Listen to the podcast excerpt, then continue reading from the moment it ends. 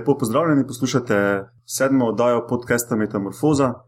To je podcast o biologiji organizmov, ki vam jo predstavimo skozi tri rubrike. To so novice, ali ste vedeli, in vaši posebneži.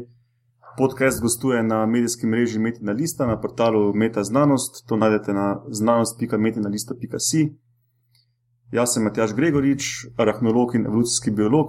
Danes je tukaj ob meni Roman Luštrik, biolog in biostatistik. Zdravo, Roman. Čau. Uh, po Skypu pa se nam je priključila uh, biologinja Katja Kalan. Zdravo, Katja. Čau, čau. Um, povemo še, kjer nas folk najde, če se, nam, če se jim bo zdelo po podkastu, da bi nas kdo kontaktiral. Meni lahko težijo na Twitterju pod Edmatjaš Gregorič, Roman tudi vem, da je na Twitterju pod Ja. Ed Romunov. Ja, jaz sem Afna Romunov. Katja, si ti na Twitterju mogoče? Ne, nisem na Twitterju. lahko, lahko pa na službeni mail na katja.kalan, afnazrs.upr.si. Um, če ne imam pa za tigraste komarje posebej odprje, odprt še mail na Gmailu, se pravi tigrasti.komarji, afna.gmail.com. Super. Kaj pa kakšen Facebook? Uh, Facebook je pa moj osebni profil. No, od danes ima uh, Metamorfoza tudi svoj e-mail in sicer metamorfoza.afnametinalista.si, da tudi tam lahko pišejo tudi za nazaj, ne, uh, za kakšne prejšnje oddaje. Še kaj še moram povedati? Nič takega. A ja, um, Rabimo denar. da ti povem. ne, sej ne, sej ne. ne, ampak uh, po, pravijo, pravijo, da deset oddaj moš počakati, da vidiš, kako to gre, pol pa lahko začneš težiti za donacije in denar. Um, še to, Katja, ti, ko si danes prvi z nami, um, metamorfoza je pogovor, taki lahkoten pogovor o pivu, ne? Teda jaz imam svoje pivo sabo, ne bomo ti zamedla, če si ga tudi ti zameš. Okay. Roman štrajka z vodo, ampak sklepam, da je bolan. Ne? ne, nisem sam. Ne. Nisem se pripravil eh, fizično na pivo. Glede na to, da sem v službi, nimam piva. To ni pogoj, veš.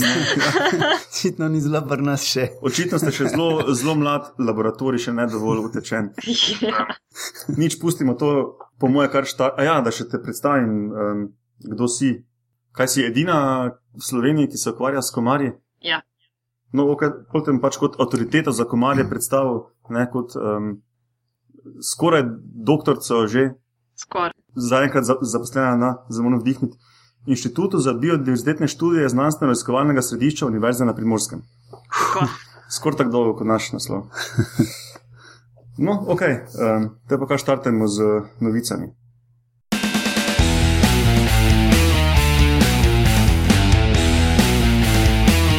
Novice.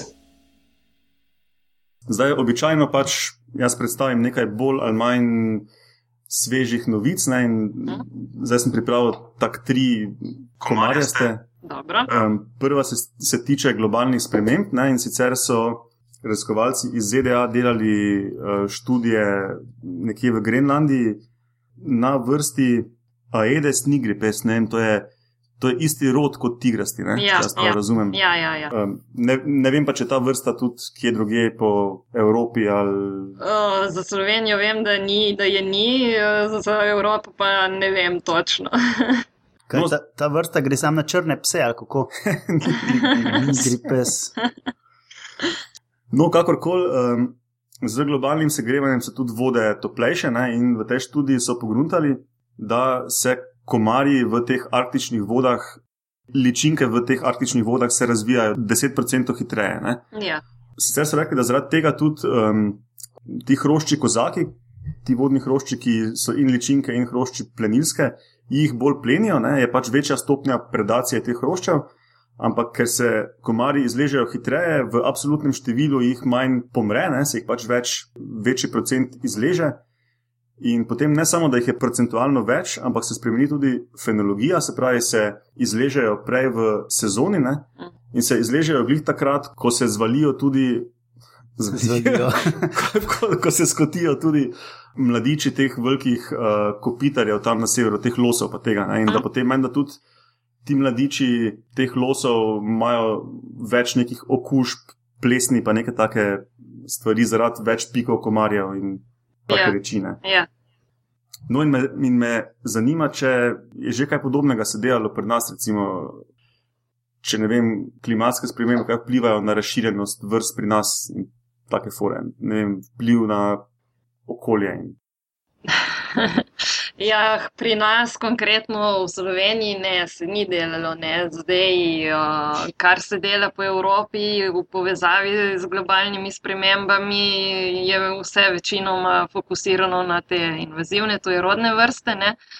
Um, Seveda, če je eh, okolje bolj toplo, mogoče preživeti enim vrstam, ki jih prej pri nas ni bilo. Ne? Ampak poleg tega, en razlog, zakaj te vrste so pri nas, pa jih prej ni bilo, ni samo to, da je bolj toplo, kot je bilo, ne? ampak je razlog tudi, človek, da človek dosti potuje je, in zaradi te globalne trgovine pač se vrste prenašajo tudi s človekom tu pa tam po svetu. Ne? In to je tudi razlog, da so nekatere vrste pri nas prisotne, ki jih prej ni bilo, ne? poleg globalnega segrevanja. Zdaj pa seveda, če bo v Evropi, ne vem, čez 50 let še topleje, se bojo vrste iz tega območja, ker so zdaj še širje po Evropi. Ne? Se pravi, iz Primorske v Slovenijo. Ja, tako. Recimo, ja. Če ga sem poslušal kot priprava na ta podcast, en intervju s tabo, pa si razlagala, da so se ravno tigrasti, da so prišli k nam um, prek Italije, kamor so prišli z uvozom rabljenih gum, menda iz Azije. Kaj? Ja, ja, ja. Tako, iz Azije, pa zdaj. iz Amerike tudi. Ja.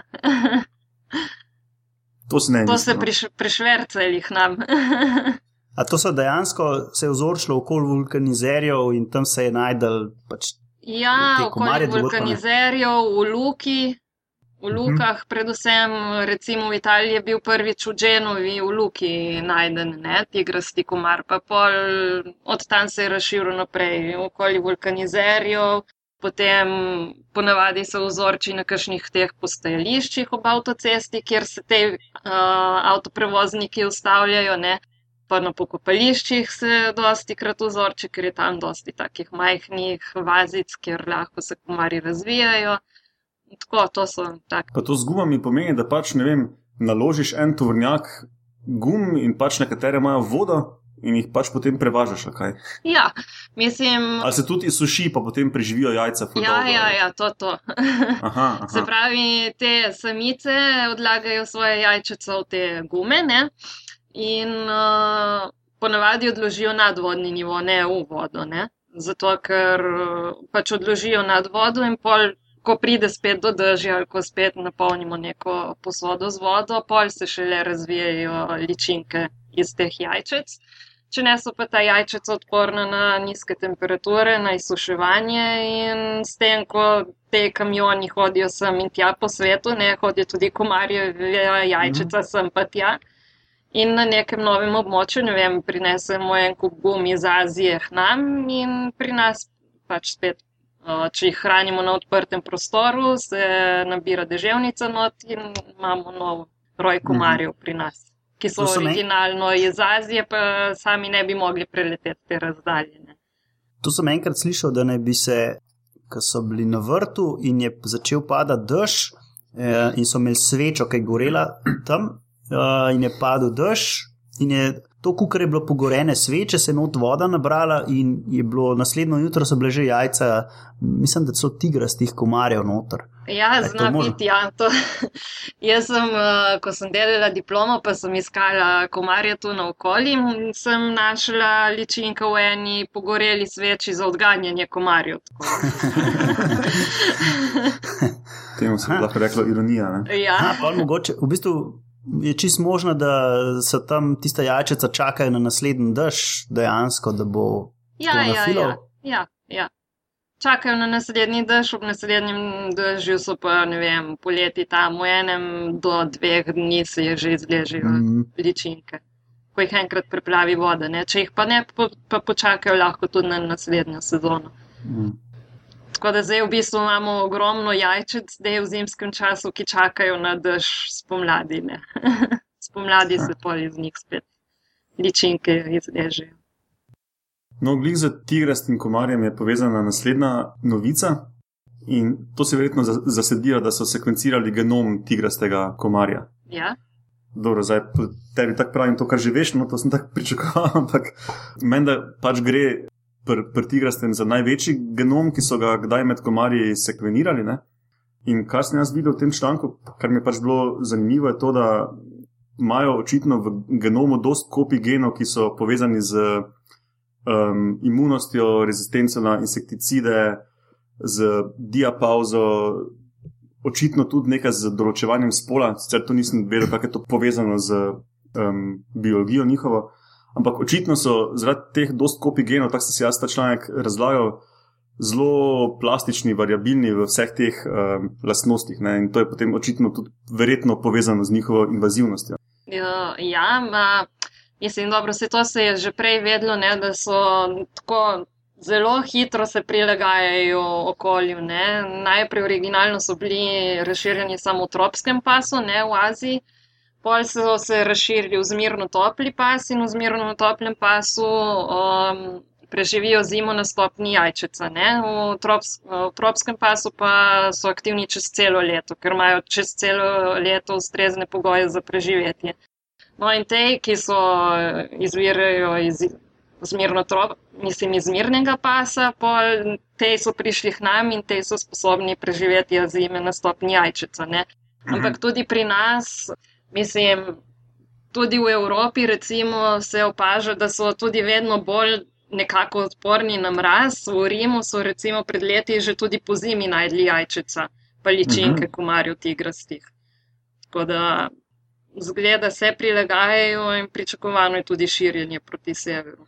Ja, ja no, ker pač ta, ta članek so kao na ta način prodali, da ne samo, da je cel genom sekveniran dober za to, da pač identificiraš um, neke nove genetske pristope za boj proti njim za prihodnost, ampak tudi, da očitno je ta ravno ta njihov velik genom, pa pomnoženi geni za določene lastnosti, da jih delajo bolj variabilne in da se lažje prilagajajo. No. Da so zato bolj invazivni. No. Ja, ja. Daj povej, um, koliko imamo sploh invazivnih vrst pri nas v Sloveniji, če se ve? Dve. Aha. Dve. Zraven tigrastega še? Zraven tigrastega je še japonski komar oziroma Aedes japonicus po latinsko. In uh, jaz sem letos uh, gledala pač v okviru moje doktorske naloge, raziskovala razširjenost uh, pač vseh invazivnih tojrodnih vrst komarjev pri nas. Ugotovila sem, da sta samo te dve pri nas prisotni. In uh, v primerjavi s tigrastim komarjem je ta japonski dosti bolj razširjen kot tigrasti v Sloveniji. A se jih da ločiti tako na recimo, nek laj, ki jih lahko loči, uh, recimo brez, brez lupe ali pa povečevalnega stekla.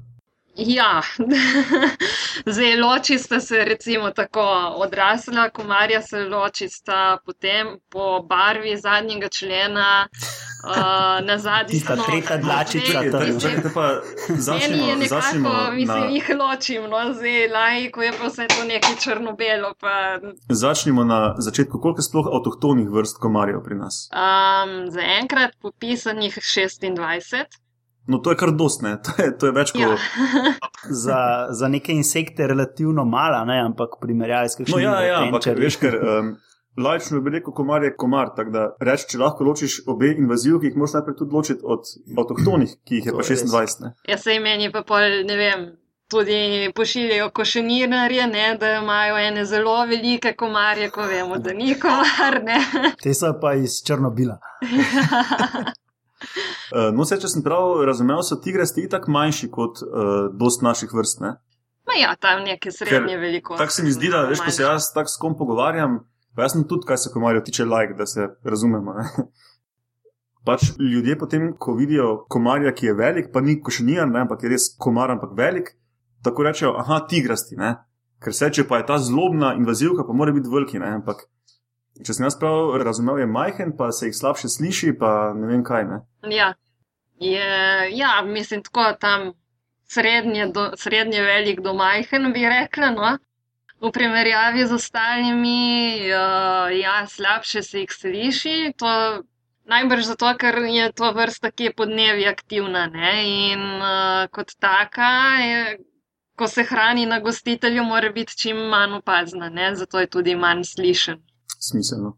v primerjavi z nekim komarjem, ki nas pika po noči, ko spimo, ne, oziroma druge ne vem, živali, ko počivajo, pa ni treba, da so tihine.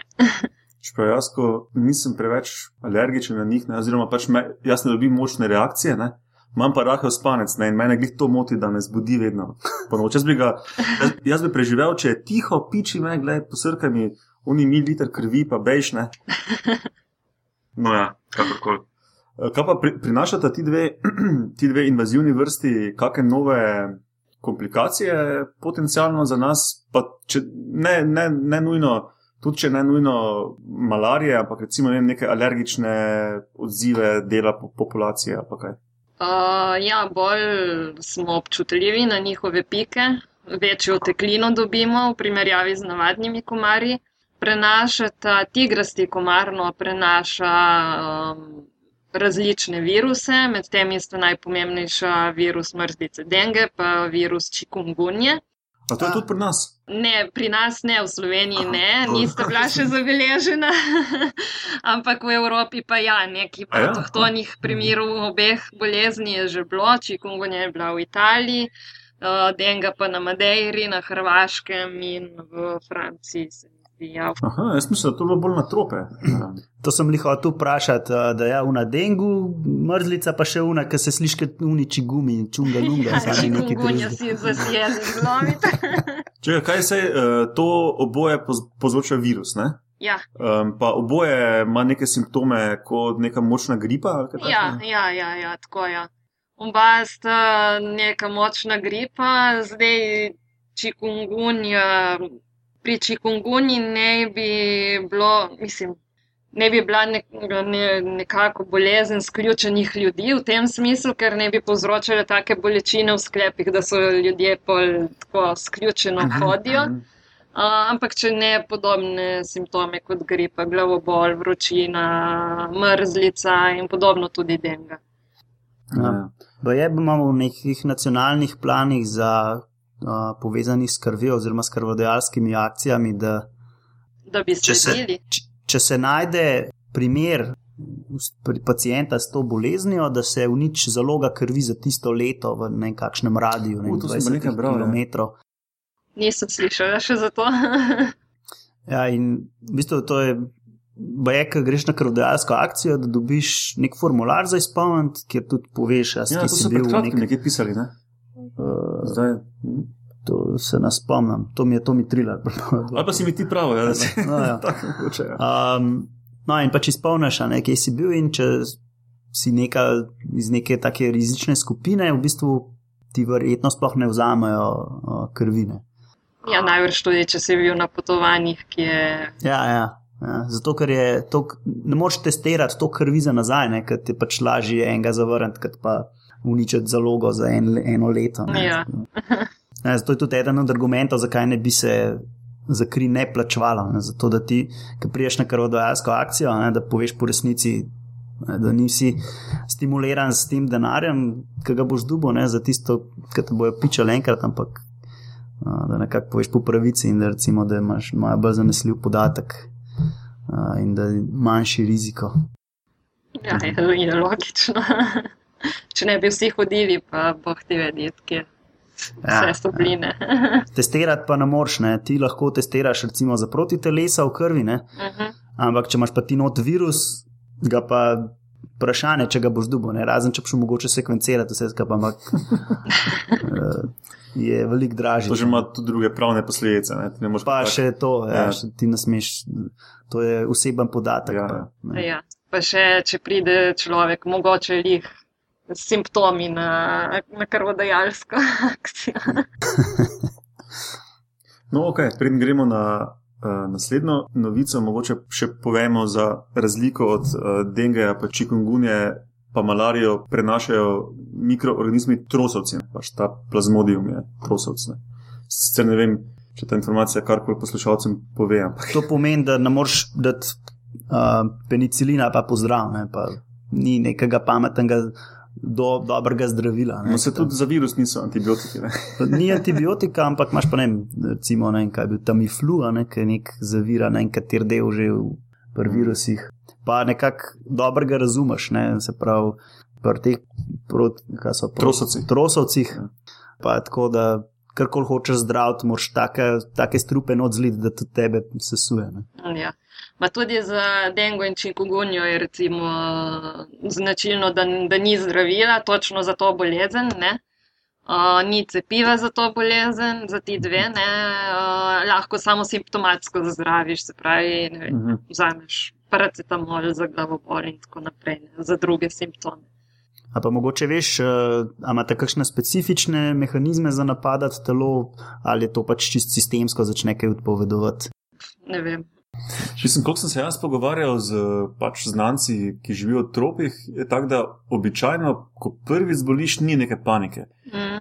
Pravijo, da če, če zboliš drugič, tretjič, da se lahko bolj močni zapleti pojavijo. Ja, denga ima več sevov, ima štiri seve in če zboliš prvič za enim sevom in drugič za drugim sevom, je, imaš baje lahko hude posledice. Mm. Če pa samo prvič, pa pač imaš neko tako la, lažjo gripo, pa je to to. Nimaš nekih hujših zapletov. Ok, gremo na tretjo novico, da ne bomo predolgi. Tretja novica je pa pač o tem boju proti komarjem z genskim inženiringom. Ne. Sploh ta, te CRISPR metode, moderne, so popularne. Zdaj ne bomo brez veze razlagati podrobnosti tega, pač gre za zelo, zelo natančne um, genske manipulacije, kako se bi reklo. Ne. Pač ti lahko zelo natančno in poceni menjuješ uh, en obstoječ gen organizma z tvojim poljubnim, ki si ga modificiral. Recimo, ne. Um, no, pa če se jaz prav, če sem jaz prav zasledil, že od 2012 dalje v Braziliji imajo neke take poskuse. Ne, ko, če se prav spomnim, so bili gensko modificirani komarji, ker uh, se njihove bube niso izlegale prav ali nekaj takega. Ja, ja, mislim, da ličinke ne. No, in, ja, in zdaj, če si zasledila ta teden, je bila ena novica, ki pa je kao, so jo predstavili kot revolucionarno, ne? Čeprav ni še testirana na terenu, ampak uh, spet s tem CRISPR postopkom so naredili, pač to so poimenovali uh, gene drive. Uh, so pač naredili komarje, ki imajo alele, se pravi, variante nekih genov, ki se dedujejo tako, da poslušalci lahko to moče najbolj predstavljajo s krvnimi skupinami. Ne? Se pravi, eno varianto, en alel vsakega gena mislim, dobiš od vsakega starša. Ne? Se pravi, če ima en od staršev okvarjen gen, ne, imaš ti ima v teoriji 50% potomcev tudi ta okvarjen alel. Ne? Uh, no, ta gene drive pa kao pomeni, da imajo vsi potomci ta okvarjen, oziroma ta spremenjen alel, ne, kljub temu, da ima samo en starš, recimo. Ne. In to so menda v lebu testirali in zelo dobro dela. Ne, in um, ta spremenjen alel gen bi naj uničeval ta trosovec plazmodium v, uh, v teh komarjih. Zdaj tega niso še sprobavali na terenu, ne, ampak pač valjda napihnjeni so štorijo in kot neko zelo um, Wow. potencialno revolucionaren boj proti komarjem. Ne. Si razmišljala kaj o tem, si za- zasledila to?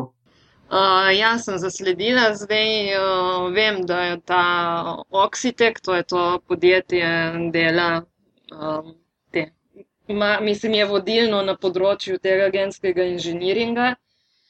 Zdaj, mislim, ni, nisem toliko proti temu, ko bi se reklo, ampak eh, sem pa zelo skeptična. Za te metode. Zdaj v laboratoriju, v nekem omejenem okolju, lahko to deluje super, fajn, uh Mhm. -huh. ne, ampak uh, ko ti spustiš komarje v neko okolje, uh, ki ni omejeno, kjer nimaš zaprte populacije komarjev, imaš vedno komarje, ki migrirajo od druge. Ne? Zdaj ta Oxitek je recimo delal poskuse na otokih, kjer so dosegli super rezultate, ampak na celini recimo pa lahko ti nimaš takih super rezultatov. Tudi če ti uspe omejiti, uh, vem, ali izničiti populacijo komarjev na nekem območju, imaš še vedno potem določene osebke, ki ti migrirajo od druge. Zdaj ti bi mogel imeti to kontinuirano, non-stop ta poskus, če lahko tako rečemo, nastavljen, ne, ne pa, mm. da ko se projekt konča, ko zmanjka denarja, potem ja. pač nisi naredil nič. Ne. No, Meni men osebno se je to zdela recimo, kar zanimiva novica, ker tisto, kar so v Braziliji delali, ne, tudi pomeni, da potem je pač število komarjev vedno manjše. Ne. Tu pa, jaz sem pa razumel, da tukaj bi pa pač komarji še vedno se, se izlegajo in funkcionirajo, pač Ampak ne prenašajo. ta prenašalec bolezni izginja iz njih. Ne, pristop se mi sigurno zdi boljši kot tisti brazilski, ker gre za to, da ti v bistvu populacijo enega organizma manjšaš, ki ima neko ekosistemsko vlogo. Ne. Ja, tiste, tiste je pač na drugem nivoju, a ne, ki je lahko tudi po svoje etično malo vprašljiv. ne. Sej, sej ja, se gre samo za komarje, ampak se postavlja pol vprašanja, se pri komarjih ustavi ali, ali lahko tudi to narediš, ne vem, z, div, s temi podivjanimi mačkami v Avstraliji, ali lahko tudi narediš ne z dingoti, ne.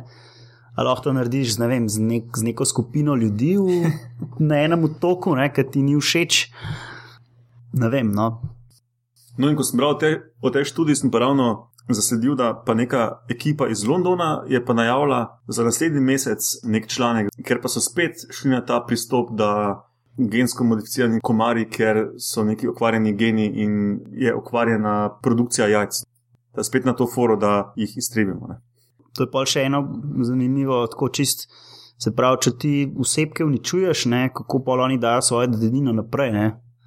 Če, če ga uničiš po svoje, ne, pa če dajo, no, okay, rečemo, eno generacijo naprej, tiste gene, pa ni tako, ne bojo šli vsi naprej. Ne.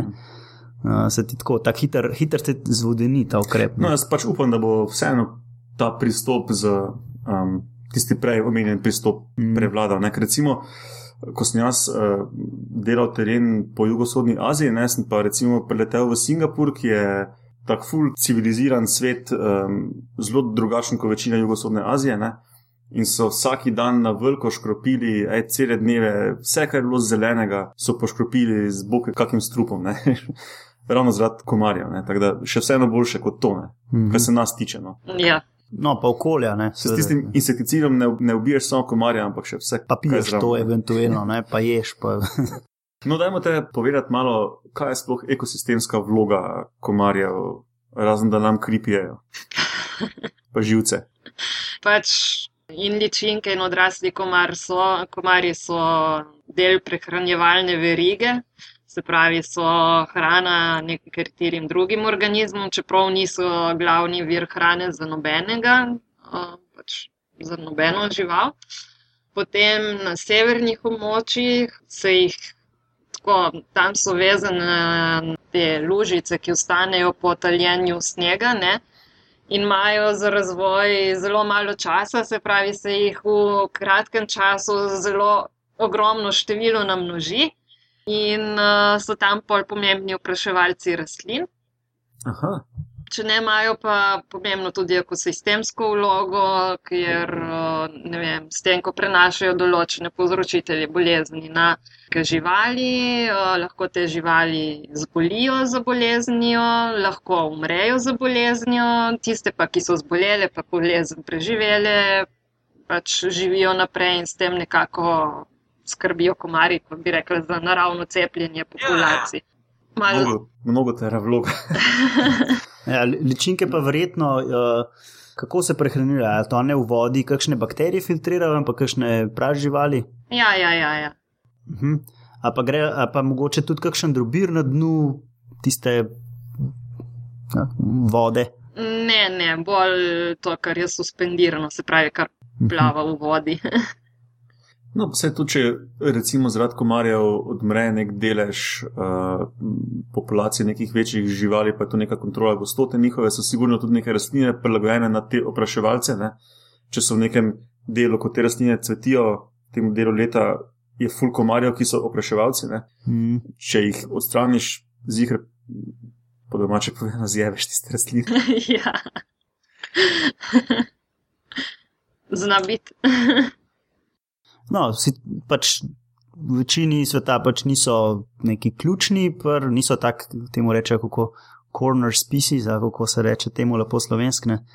Ampak vseeno so pa pač nek eh, člen v ekosistemu, ki je pa pomembno, da ima veliko teh majhnih eh, vrst, oziroma teh vrst, ki zelo malo doprinese, ampak vse skupaj ne, pa so pomembne za to, da krožne. Tako, kot ne vem, deževniki, ne vse so majhni, ampak pa, če jih je pa dost, pa da je zdrav travnik, pa ko pokosiš travo, čez dva dni tam ni več suhe trave ali pa nekaj, ne, ker vse konzumira. Ne. Isto pač pri komarjih, ne rabe. Pač vsi so majhni, ampak vsak po svoje malo dela ne, in so po svoje pomembne.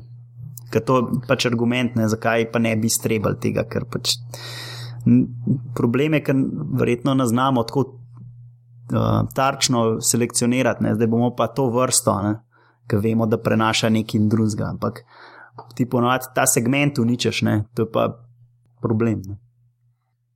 Ok, dajmo zaključiti zdaj to z ta boj proti komarjem, s tem, kaj lahko mi naredimo okoli bajte ali pa pred blokom, da bi jih bilo manj. Zdaj pač meni je zelo očitna stvar, kamor kljub prijem imajo vsi, um, vsi lovijo državnico za zalivanje vrta. Ne? Ja. Čeprav, kar sem zdaj opazila po terenu, ne, je, so ratali ljudje kar izobraženi v primerjavi Aha. s prejšnjimi leti. Uh, večinoma zdaj nabirajo deževnico kar v te velike cisterne za vodo, ki so zaprte, tako da to je super. Um, če, ne, pa, če pa ne gre drugače, ne, če nabiramo deževnico v te sode, jih dajmo pokriti s kakšno gostno mrežo, ki vseeno omogoča dotok vode, ampak ne omogoča dostop odraslim samicam, ne, da bi not odlagali jajčica. Če teh sodov posod raznih ne rabimo, jih vrnemo na robe, skrbimo, da nimamo kakšnih smeti okoli doma, v kateri se lahko nabere voda, recimo tist, primer tiste zavržene sveče, ne, mhm. za odganjanje komarjev, potem, ne vem, počistimo žlebove, tudi v teh žlebovih, ki se dosti listja nabere, ne, se tudi, tudi zastaja voda, pa tudi tam se lahko komarji razvijajo. In to no, skrbimo, da ni stoječe vode, če pa jo imamo, pa jo nekako probamo pokriti ali pa praznimo take posode vsaj enkrat tedensko. Mhm.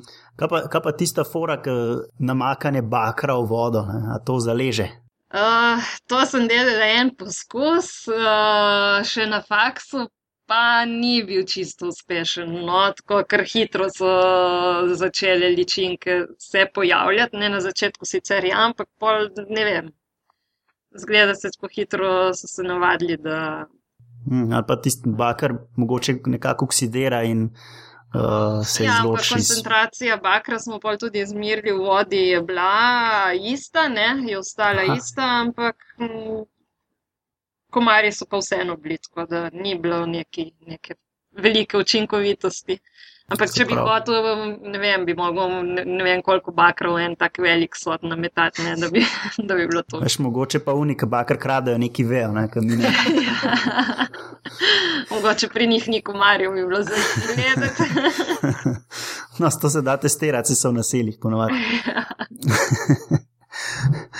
Uh, se pravi, najbolj, da pač ali brez vode, ali pa to vodo pokrit, pa ja. nekako bistven delež teg, tega razmoževalnega habitata odstraniš. Ja. Mhm. -huh. si... Kaj pa recimo, jaz pa sicer bi tisto vodo imel, ki mi je ful bolj priročno, kot pa je dol do potoka ali pa iz pipe. Uh, kaj pa kakšne ribice, da bi dal noter, da bi to misliš, da je ali ne vem, kili ribica ali pa kaj se kakšno tako avtohtono, majhno ribico iz, ne, iz, uh, zdaj, za zatiranje komarjev so se uporabljale gambuzije, ne, ki vemo tudi, da so to je rodna vrsta invazivna in povzročajo dosti škode v okolju. Kje so to gambuzije? Gambuzija finisija. Ja, samo to poslušalci ne vejo. ja, no, to so ene take majhne majhne ribice, podobne gupijam. Aha. In uh, te so uporabljali sicer uh, dosti v Ameriki, tudi v Evropi, za zatiranje komarjev, ampak delajo zelo veliko škodo v okolju. Ne? Zdaj, ideja je bila tudi, že so me dosti krat spraševali, tako po intervjujih, če kaj pa, če bi te gambuzije naselili v sod, ne?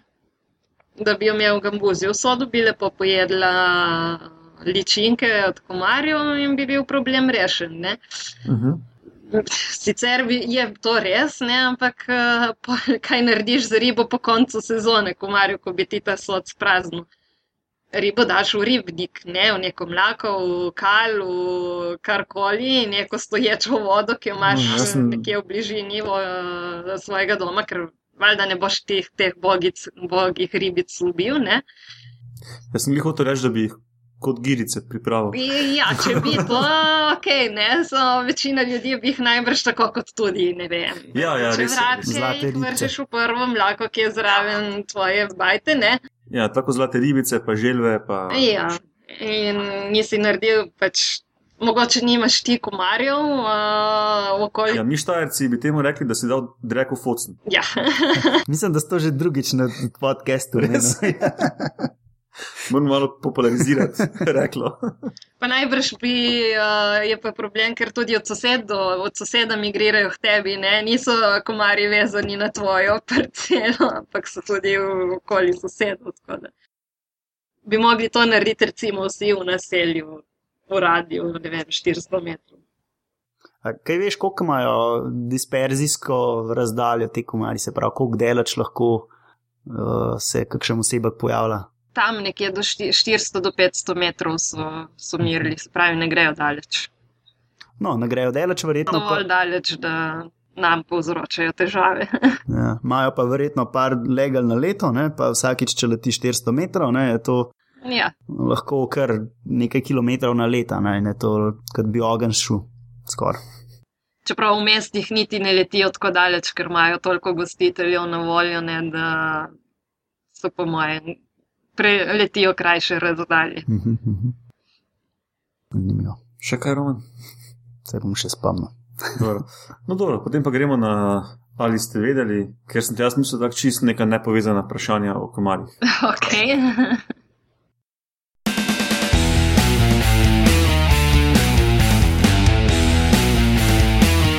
Ali ste vedeli?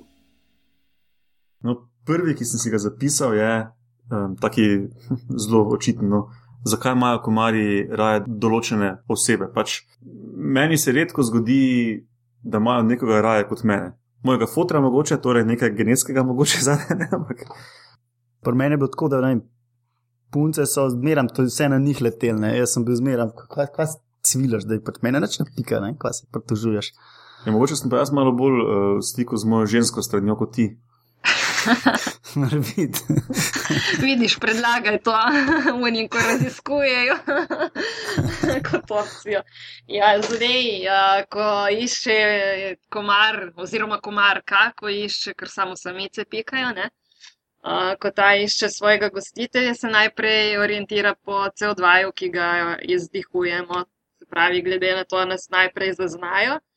Uh, potem pa se orientirajo po vem, telesnem vonju, po uh, gibanju, po obliki telesa, po toploti, ki jo daje telo, po Vidiš, mogoče imaš pa večje joške, kaj jaz. po ne vem, tem, koliko smo kon kontrastni z ozadjem. Ne? Se pravi, če smo v temnejše oblečeni, smo bolj kontrastni, smo lažje tarča.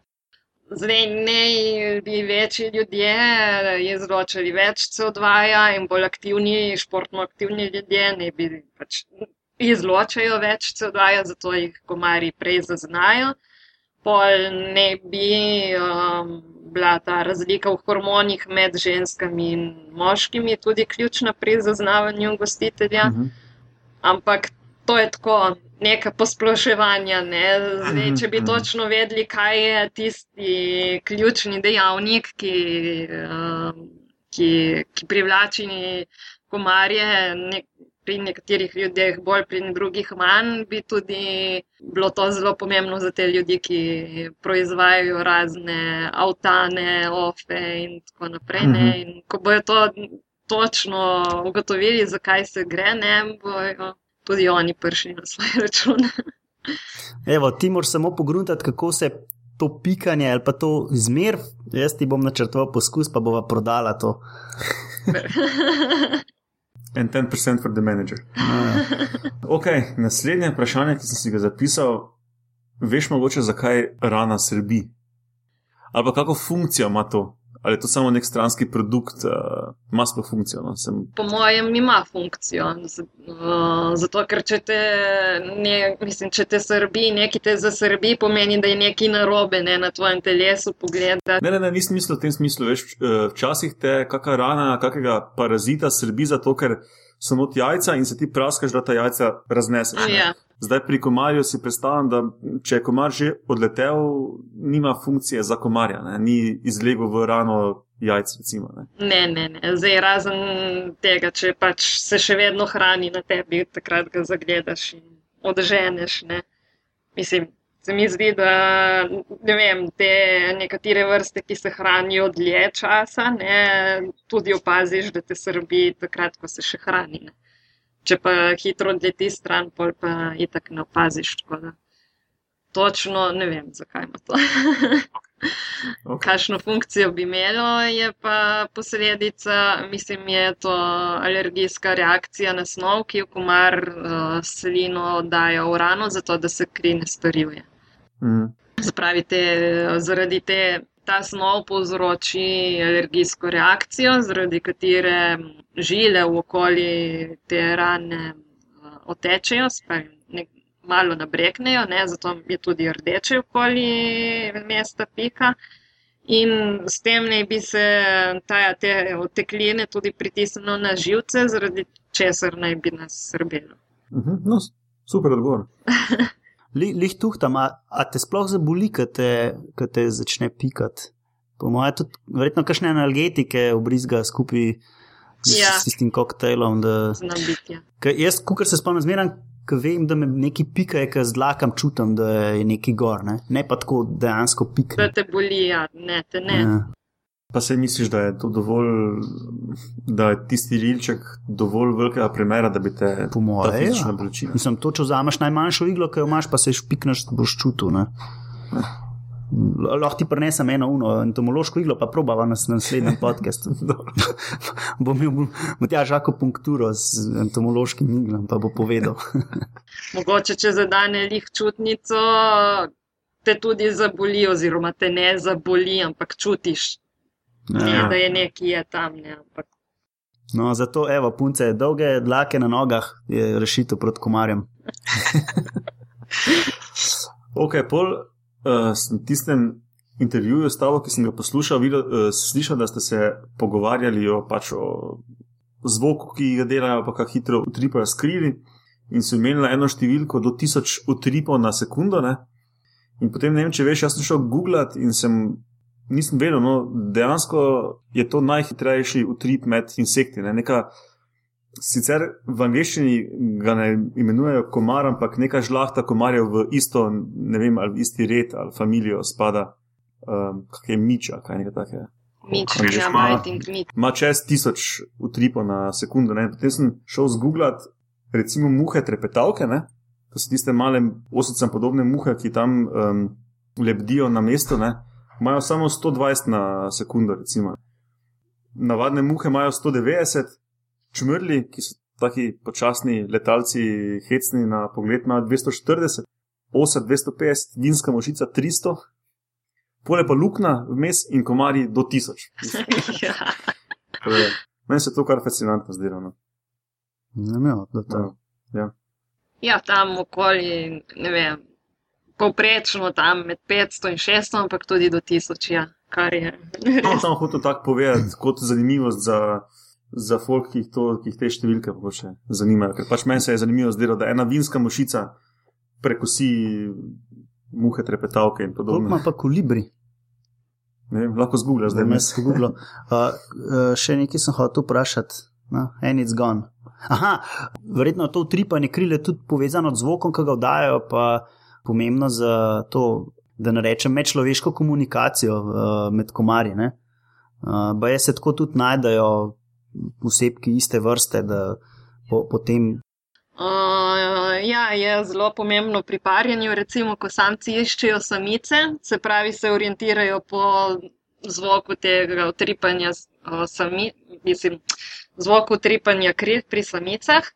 So pa ugotovili, da se pri enih vrstah, um, se pravi, da ne gre samo za to enostransko zaznavanje samice, ampak da se samci in samice tudi uravnavajo, na dolo, uravnavajo frekvenco utripanja kril na določeno frekvenco. Se pravi, če samec utripa z eno frekvenco kril, samica z drugo, se potem nekako uravnata na isto, da sta na isti valovni dolžini. zdaj na isti valovni dolžini pred parjenjem. Pač se lahko pride skozi. In pa gre vsak po svoje, lahko spet. Svašta. Uh, ja, jaz sem dale pogledal, uh, kolibri pa okoli 80 krat na sekundo zamahne, ne, se pravi, bistveno, bistveno manj. Je pa pač krilo relativno, zelo perut. Uh, ne, ja, peruti imajo, ptice Ja. imajo peruti, ne topiri imajo prhuti ali nekaj Tak, takega. ja. Uh, relativno bolj kompleksna, pa večja zadeva. Večja, ja. Okay. Zanimivo. Za konc tega, ali ste vedeli, če se prav spomnim, je na svetu okoli 3500 vrst komarjev. Veš mogoče, um, koliko od teh vrst sploh pije kri, ali živalsko, ali človeško? Večina. Aha, ok, že to je. Ja, Okay. ja, večina zdaj, koliko ne vem točno. En, mislim, malo je takih, ki se pravi, da povemo, da samo samice pijejo kri, ne? Uh -huh. s krvjo dobijo beljakovine za razvoj jajčec.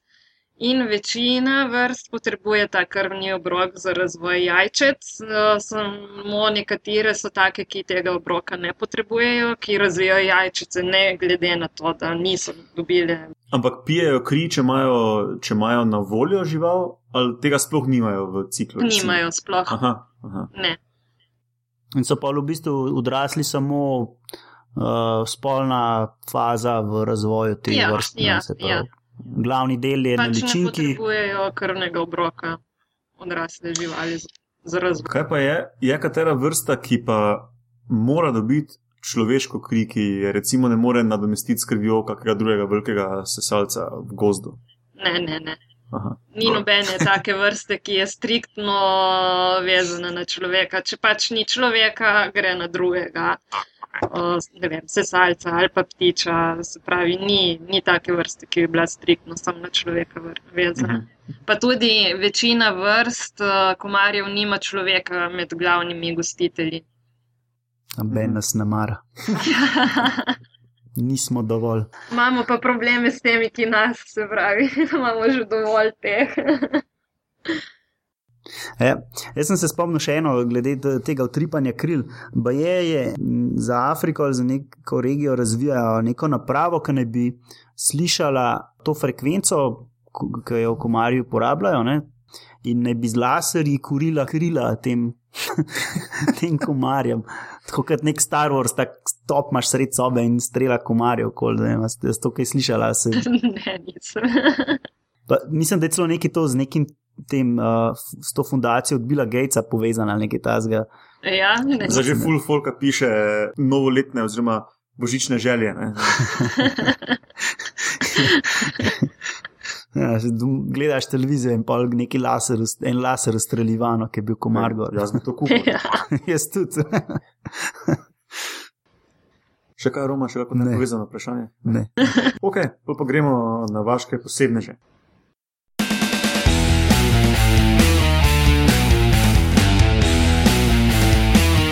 Vaški posebneži. Pripravil sem samo enega. Ok, med vaškimi posebneži običajno predstavimo neke bizarne organizme, ko po neki bizarnosti izstopajo. Ne? Ja. In seveda sem zdaj izbral enega, ki ima neko povezavo s komarji. Ne? Mhm. In uh, ne vem, če si že slišala za enega pajka skakača iz Kenije, ki je specializiran na plenjenje komarjev. Nisem še sicer slišal. anofeles komarjev. Ne? Ja. In postane še bolj fajn. ne. Um, nujno rabi eh, pač samica za odlaganje jajc v svoji prehrani, nujno rabi samico komarja, ki je polna krvi. Aha.